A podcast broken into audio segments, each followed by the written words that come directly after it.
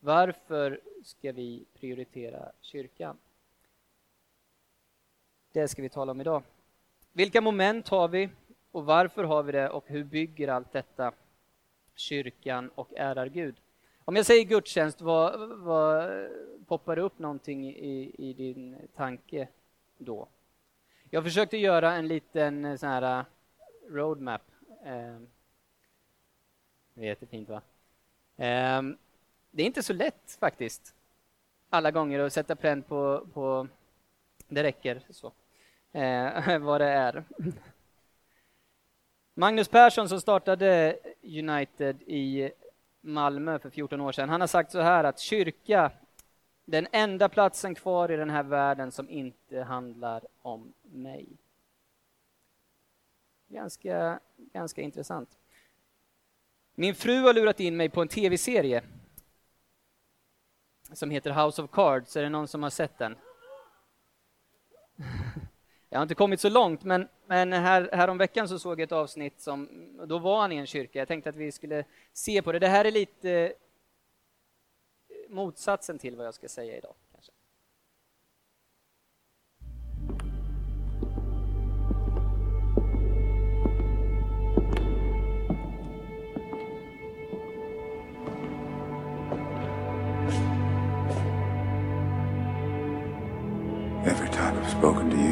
Spoken back. Although, given our mutual disdain, I can't blame you for the silent treatment. Perhaps I'm speaking to the wrong audience. Can you hear me? Are you even capable of language, or do you only understand depravity? Peter, is that you? Stop hiding in my thoughts. Come out. Have the courage in death that you never had in life. Come out. Look me in the eye and say what you need to say.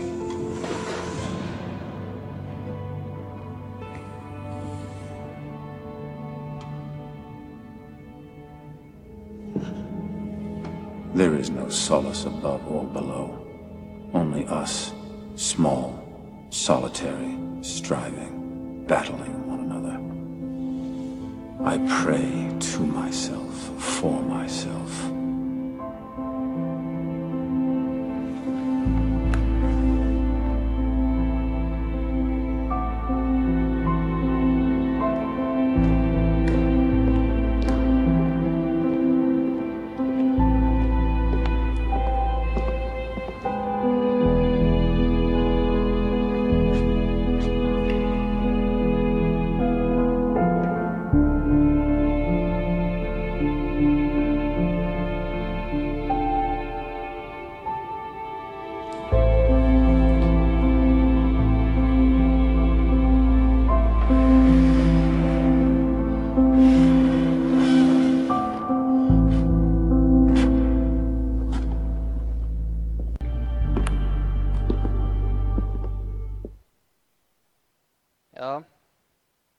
Pray to myself for myself. Så är det ganska ofta vi kanske känner eller tänker eller agerar helt enkelt. Men kyrkan, här samlas vi inte för oss själva utan vi samlas för Gud. En bra sammanfattning, egentligen en sammanfattning av ett bibelord, det är på engelska men så här är det. Worship, in its broadest sense, is something we are to be doing in every area of life. Everything we do is supposed to be for God's glory. Public worship is that declaring of God's worth and occurs whenever His people gather together under His word. Biblical, corporate worship is word centered worship, performed in spirit and in truth. Taget ur Johannes 4.24. På engelskan så säger vi worship eller corporate worship om gudstjänsten. Och det handlar inte främst om att sjunga, utan det handlar om hela våra liv. Som Daniel brukar säga, Daniel Stenmark som är pastor här, att kyrkan är inte arenan för våra liv, utan våra liv är arenan för kyrkan. Vi tror inte att det bara är den en och en halv timme som vi samlas här varje vecka, utan vi tror att det är en helhet. Så innan vi går in i själva gudstjänsten så är det viktigt att se varför ska vi samlas varje vecka. I Matteus så säger Jesus att det är jag som ska bygga min församling. Vi lever ju i en högst individualistisk eh, tid kan man säga. Ingen ska säga till mig vad jag ska göra. Eh, vi talar väldigt mycket om egen tid. Och det har smugit sig in en typ av tro på någon privat kristendom. Så om du bara ska komma ihåg en sak ifrån dagens predikan så kom ihåg det här. Den kristna tron är inget soloprojekt.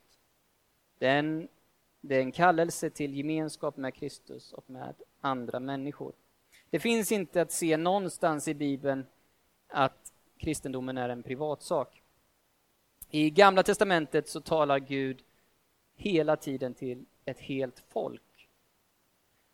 Och när vi läser breven i Nya testamentet så handlar det inte om oss som individer utan breven skrivs till församlingar och till församlingen. Bilder i Bibeln som att vi är en kropp eller att vi är ett träd eller att vi är en familj. Vi behöver varandra och det är Guds plan och Guds vilja. Det kristna livet levs i gemenskap och gudstjänsten firas tillsammans med andra. Vår text idag från Kolosserbrevet 3, så står det i vers 15. Låt, er, låt Kristi frid regera era hjärtan, den frid som ni blev kallade till i en enda kropp. I versen innan så säger han att vi ska klä oss i kärlek som binder samman till en fullkomlig enhet. Till vår natur så börjar vi sakta men säkert att överge det som vi är övertygade om och tror på när vi inte ständigt blir påminda om det. Så är det med alla goda vanor. Ta träning eller vad som helst till exempel. Och när jag inte känner för det, kanske då jag behöver det som allra mest. Vad händer annars med goda vanor om vi inte ständigt påminns om dem? Man glömmer bort, man får skapa sig kanske dåliga vanor.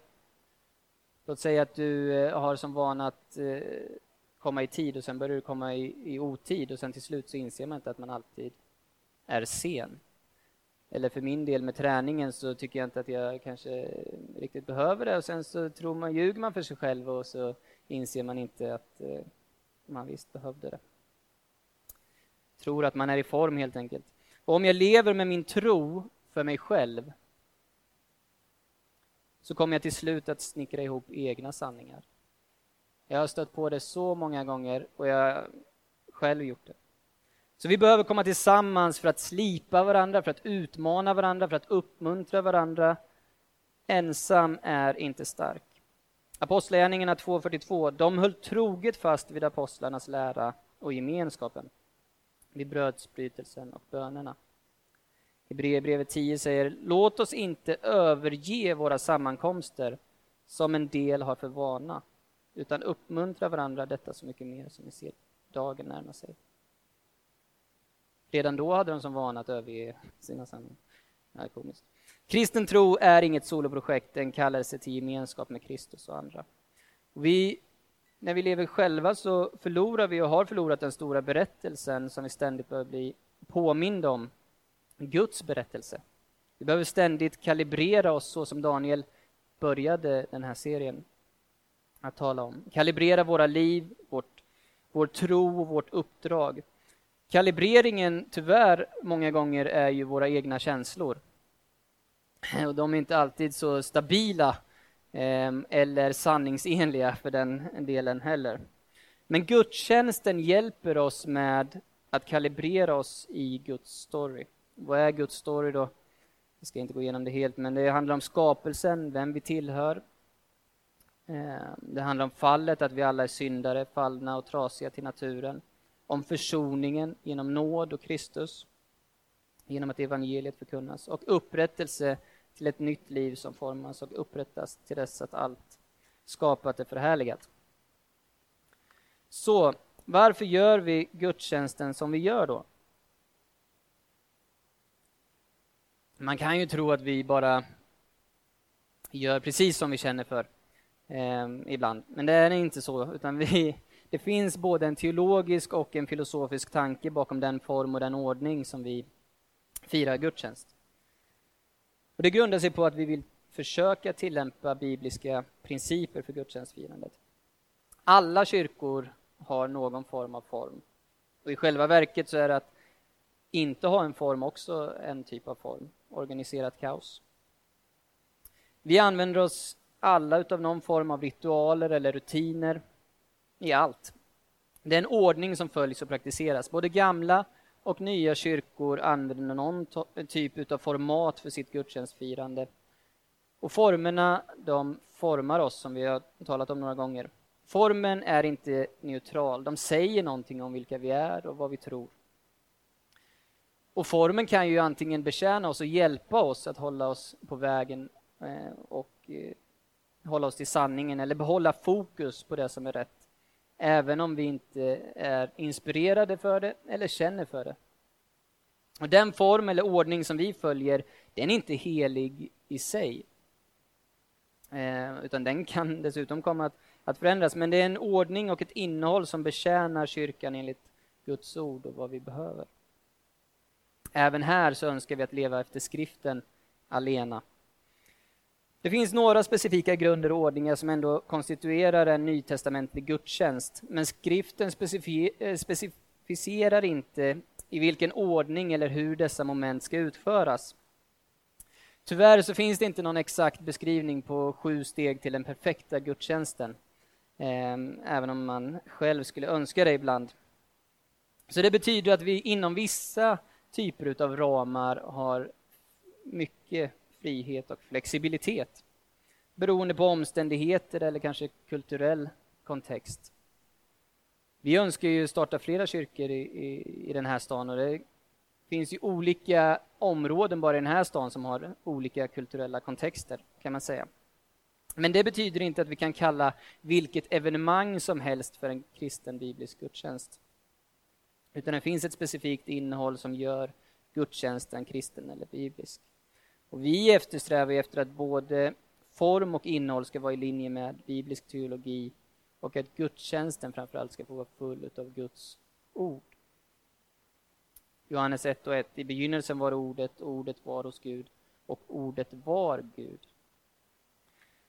Så, jag vet inte om du har reflekterat över hur, hur vi firar gudstjänst här. Jag kallar det för United Style. Vem är våra gudstjänster till för? En ganska bra fråga. Vi vill att våra gudstjänster ska vara givande för alla. Både om du har bestämt dig för att tro eller om du har bestämt dig för att inte tro så ska du kunna komma hit en söndag och du ska vara lika givande för båda. Våra gudstjänster ser vi som en helhet. Vi ser att vi är som människor både ande, själ och kropp. Både gudomligt och mänskligt och de två behöver absolut inte att ta ut varandra. Vi börjar oftast med vad vi kallar för förfest. När du kommer hit får du någonting att eh, dricka. Det finns en anledning till att våra gudstjänster börjar när vi kommer. Dels så trivs vi, trivs vi med det, men vi vill inte heller förställa oss när vi går till kyrkan, utan vi vill att det ska vara så likt vårt liv i övrigt som möjligt.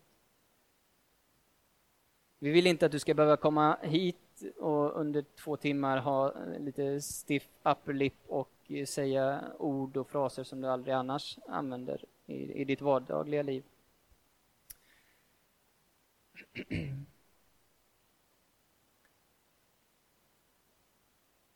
Vi tror helt enkelt på att ett helt liv som är arenan för kyrkan.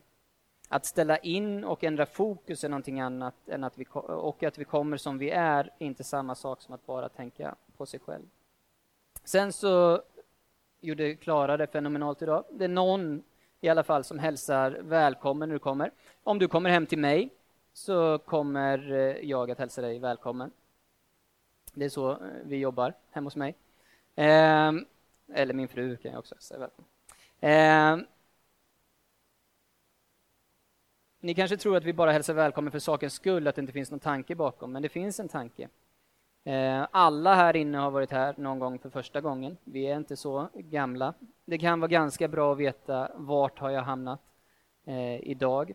Det har ett annat syfte och det är att eh, nej, man känner sig välkommen och kanske lite mer avslappnad och tillbakalutad och eh, ja, men trygg med att veta vart man är. Sen så har vi lovsång. Jag vet inte om du någon gång har noterat det, men vi kör faktiskt nästan alltid tre sånger. By design. Jag ska tala mer om både lovsång och, eh, och eh, predikan, som de två är egentligen våra, våra stora stöttepelare, eller våra huvudingredienser i, i eh, gudstjänsten.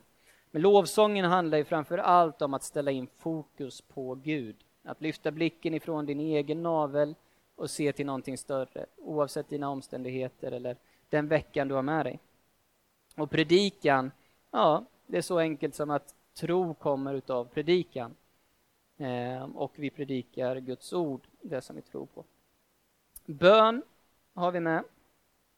Jag ska tala lite mer om bön också. Det finns olika aspekter och delar utav bön som jag bara ska nämna. Och sen så har vi givande varje gång. Delaktighet, att man är med eh, och ger bidrag. Och sen efterfest. Återigen ande, själ och kropp. Och vi älskar ju relationer och människor. Vi går in på den första punkten. Lovsång.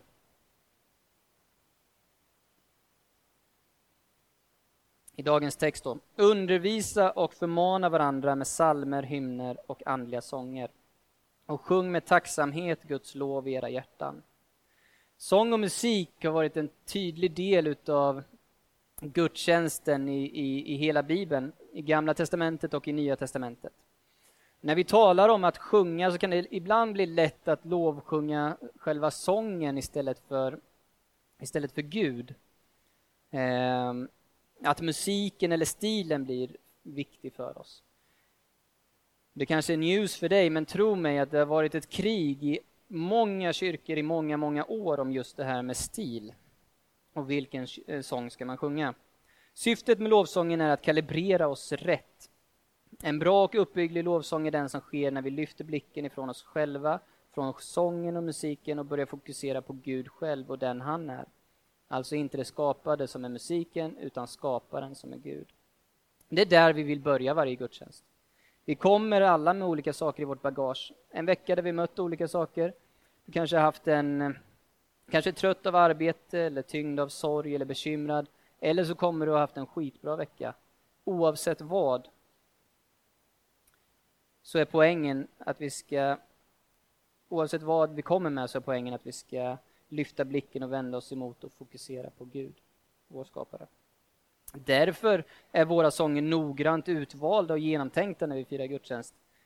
Eh, det är ingen, eh, vi slår inte riktigt på volley där. En ledares personliga favorit eller musikstil styr inte valet. Och det kan ni vara glada för. Hade jag valt lovsång så hade det varit tung hiphop eller lite nedåtstämd eh, Lars Winnerbäck. Det är typ de två eh, musikstilar jag har. Jag tycker att de går att kombinera väldigt bra också. Men vår lovsång och tillbedjan ska bestå av sånger som lär oss Bibelns sanningar och löften och vara rik på teologi, alltså Guds ord, om vem Gud är, om hans karaktär, om hans mäktiga verk och även hur det kan bli verklighet i våra liv. Så vi vill undvika ytliga texter eller texter som felaktigt pekar på vad vi ska göra, utan fullt fokus på vem han är och vad han har gjort. Evangelium. Vi bygger inte det på känslor heller. Alltså sångerna som vi sjunger, de säger ganska mycket om vad vi tror. Tänk om du gick hit varje vecka och sen så bara var med på de tre lovsångerna och sen gick du hem. Vilken tro skulle du få med dig då? Vilken gudsbild skulle vi ge dig om det var det enda du hörde? Alltså sånger är ju faktiskt den bästa läraren. Vilken tro och lära levererar vi genom det vi sjunger? Vilken gudsbild målar vi? Och det här med musik, alltså det påverkar en ju. Eh, det var en som berättade en story om, om just det här med musik, jag tyckte det var lite kul.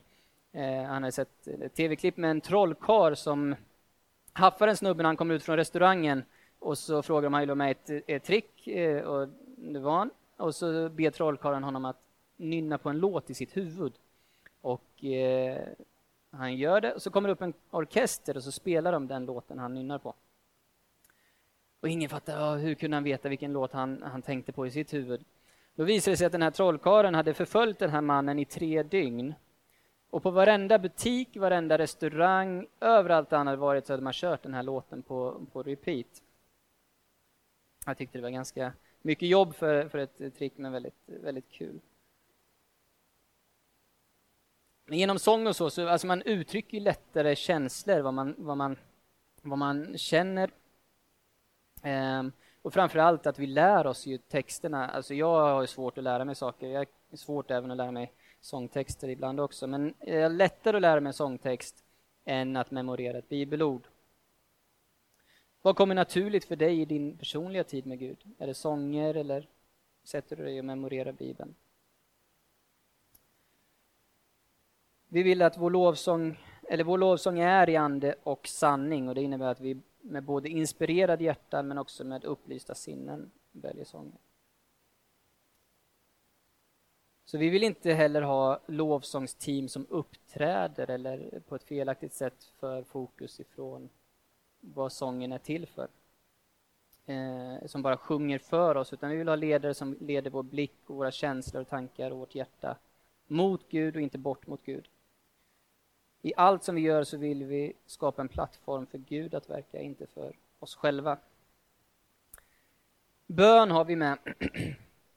Jesus eh, citerar Jesaja i Matteus 21. Mitt hus ska kallas ett bönens hus. Vi tror på bön, vi tror att det är naturligt att be, att tala med Gud. Det finns lite olika typer av bön. Fri bön som bara kommer spontant eller nedskrivna böner där man har tänkt igenom noga innan. Lärjungarna ber Jesus att lära dem att be och då ger han dem denna bön i Matteus 6. Fader vår som är i himlen, helgat blive ditt namn. Kom ditt rike, ske din vilja på jorden liksom den sker i himlen. Ge oss idag vårt bröd för dagen och förlåt oss våra skulder så som vi förlåter dem som står i skuld till oss. Och för oss inte in i frestelse utan fräls oss från det onda. Till riket är ditt och makten och härligheten i evighet. Amen. När vi ber så är det samma sak där som med lovsången. Så upp, eh, uppenbaras vår tro eller vår teologi eller brist på tro och teologi.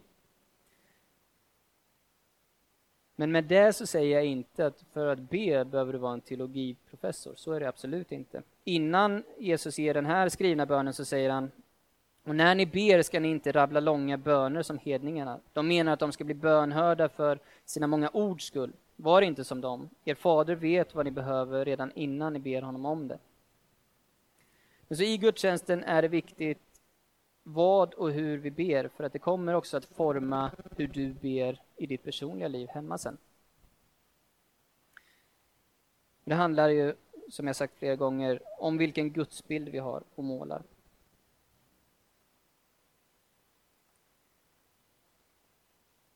Det finns lite olika typer, jag tänkte bara nämna, nämna det vid, vid namn, men olika typer av, av, om du hör någon snacka om bön så kan man snacka om olika typer av bönen. Tillbedjan, egentligen det vi gör i lovsång. Att flytta fokus från mig oavsett mina omständigheter och lyfta blicken och ge ära till Gud. Förbön, att vi ber för någon omständighet eller situation eller för någon person, kanske lägger händerna på dem och ber. Och då sätter vi inte vår förtröstan i personen som lägger händerna utan vi tror på en stor Gud som är mäktig och har kontroll. Bekännelse, att bekänna synd inför, inför Gud eller någon annan. Det är radikalt och ärligt att erkänna att vi kommer till korta när det handlar om att leva liv som ger Gud ära. Att bekänna sina tillkortakommanden skapar också en ödmjukhet och hjälper oss att motstå högmod och präktighet som jag tror är kyrkans eh, kanske två största problem i kyrkan och en av de stora anledningarna till att folk inte vill gå till kyrkan. För att det är präktiga och högmodiga människor.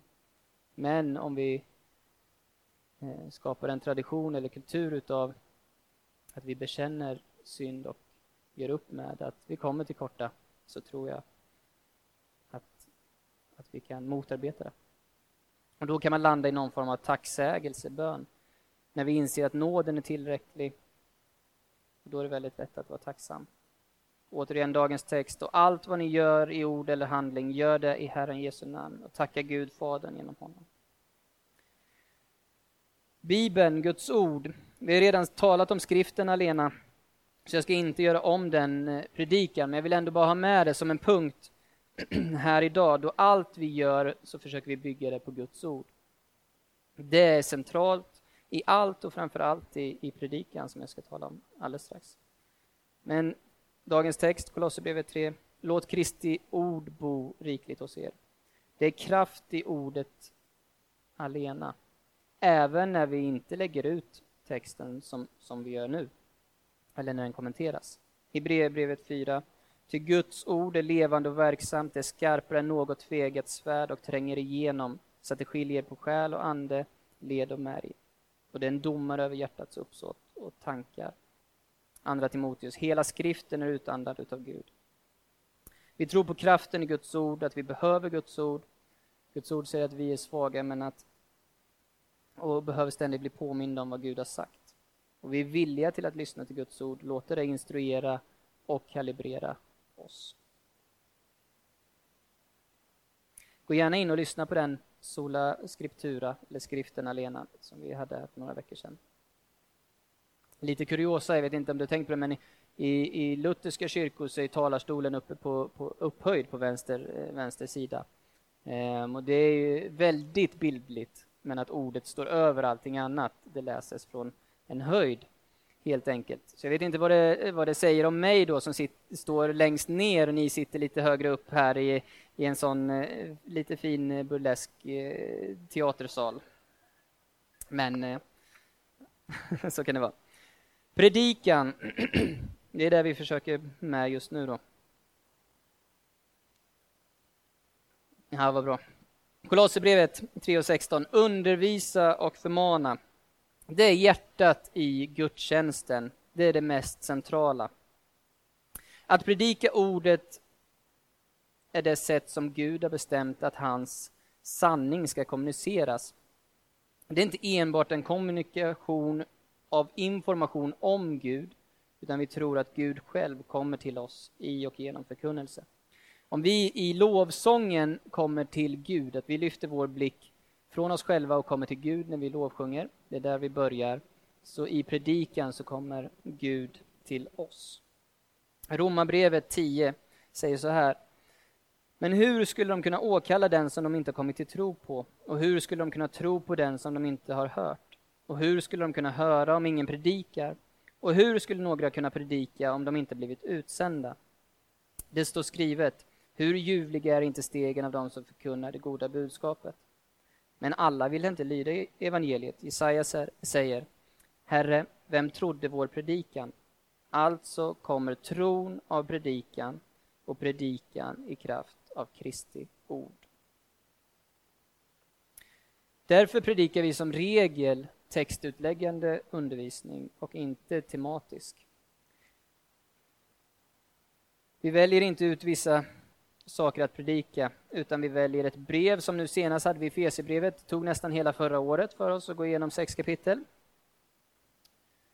Och vi följer det och vi tror att hela skriften är utandad utav Gud. Just nu så är vi ju dock inne i en temaserie. Men med tanke på den senaste tidens debatt om eh, vad man ska tro så känns det ganska rätt i tiden, måste jag själv säga. Men även nu när vi har en tematisk eh, serie så försöker vi köra textutläggande undervisning. Som idag så tittar vi Kolosserbrevet 3. Vi vill att predikan ska vara givande för alla. Vi vill att den ska ge en god och varierad kost som ger ledning och inriktning för ditt liv, kalibrerar dig. Och vi önskar att undervisning skulle kunna både uppmuntra och utmana. Som avslutning så ska vi titta på hur vi praktiserar ordet i gudstjänsten. Det handlar om delaktighet. Där givande är en del, som vi alltid har med. Givande är en naturlig del av vårt liv och vår gudstjänst. Jesus säger i Matteus 6, där din skatt är, där kommer ditt hjärta att vara. Det är viktigt för att det är så förknippat med eh, vår förtröstan. Martin Luther sa en ganska rolig sak. Han sa att det sista som blir omvänt hos en människa är människans plånbok. Men frivilligt givande är en biblisk del av gudstjänsten. Det är ett praktiskt uttryck för att allt vi har tillhör och kommer ifrån Gud. Att han är vår källa och vår främsta skatt som vi skattar högre än våra jordiska tillgångar. Och inte minst så är det ett uttryck för att vi vill ära Gud med allt som vi har, är och gör. Givandet är ju riktat till kyrkan för att understödja just ordets tjänst så att Guds ord kan spridas och predikas. Och vi är, och det är jag väldigt glad för, att vi är väldigt transparenta med vår ekonomi. En annan praktisk del utav gudstjänsten är dopet. Vi är ju en relativt ung kyrka, men det var så kul förra året när vi fick fira en gudstjänst och ha dop där Raj och Daniela döpte sig. Och eh, vi ser fram emot många fler sådana gudstjänster Eh, med dop, då vi tror att det är ett naturligt steg i att följa Jesus. I Kolosserbrevet, samma brev som vi är i men lite tidigare, i kapitel 2, så står det I honom blev också ni omskurna, inte med människohand, utan med Kristi omskärelse, då ni avkläddes er syndiga natur och begravdes med honom genom dopet. I dopet blev ni också uppväckta med honom genom tron på Guds kraft, han som har uppväckt honom från de döda. Apostlagärningarna 2 säger de som tog emot hans ord döptes och så ökade antalet lärjungar den dagen med omkring 3000.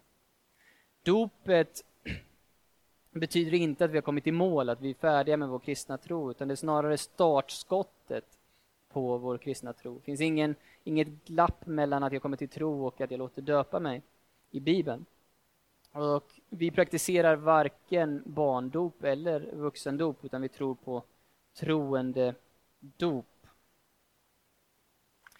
So, why should I bother with church? Guds plan är ett liv i gemenskap med honom och med andra. Det är inte något soloprojekt. Du ska komma till kyrkan för att få tro och undervisning genom Guds ord och vara delaktig i gemenskap. Helt enkelt med bakgrund av allt det som jag precis har gått igenom så tror jag och vet av egen erfarenhet att vi behöver komma tillsammans, få undervisning och hjälpa varandra. Och här skulle jag verkligen vilja utmana dig att committa dig till att komma regelbundet. Att du kommer är viktigt av två aspekter, utifrån två aspekter. Dels så tror jag att det är bra för dig. Och för det andra så är det bra för mig. På det sättet att du kommer med din energi och när du behöver hjälp så kan jag få ge utav min energi och när jag inte har någon energi så kan du få uppmuntra och ge mig energi. Vi bor ju i en stad som, eh, eller kanske mer att vi lever i en tid där vi låter känslor styra allt. Vi bor i en stad med, med störst utbud och kanske minst commitment till allt. I veckan så sa jag upp mitt satskort. Alltså det kändes ganska dumt att betala för det när jag inte var riktigt överlåten till träningen. Alltså det var ingen fel, inget fel på, på Sats överhuvudtaget. Det var jättefräscha lokaler och sådär de gånger jag var där. Men på sin höjd så tränade jag en gång i veckan, alltså det var en bra vecka. En bra månad eh, var också, då var det fyra gånger. Men jag hade svårt att prioritera det helt enkelt. Och så är det med olika delar i livet. Jag tror inte att det är någon här inne som har alldeles för mycket fritid och för lite roliga val. Att, eh, vad ska jag göra? Eller? Vi har alla roliga grejer vi kan göra. Jag skulle vilja utmana dig att om du varje vecka vill få en tankeställare på någonting som är högre än dig själv, någonting som är större än dig själv, skulle jag utmana dig att komma regelbundet. Det finns flera anledningar till varför vi har gudstjänsten klockan 16. Har man eh, varit uppe väldigt sent på lördagen så hinner man sova ut och ändå komma hit. Om man har varit bortrest så hinner man komma tillbaka till klockan fyra på en söndag. Jag säger inte att det är enkelt. Det kräver enormt mycket mer planering och commitment, helt enkelt. Men om inte du planerar ditt liv, vem planerar det då?